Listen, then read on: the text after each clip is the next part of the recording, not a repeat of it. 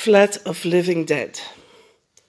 We zaten in de auto wachtend op groen toen naast ons een flatgebouw stopte. Ik geloofde mijn ogen, maar zag niet meteen wat ik zag. Tien breed, acht hoog, tachtig laden kip, niet opeengepakt, wel nee, er konden vingers tussen, laden te laag om in te staan. Ze keken me niet aan, hun ogen, achtervliesjes soms langzaam opengaand. Het ooglid van een zieke voor hij zijn slaap indaalt. De wind tastte door de tralies, plukte aan veertjes. Geen kip keek nog op. Groen. Het duurde lang voor ik mijn hoofd weer naar voren kon doen.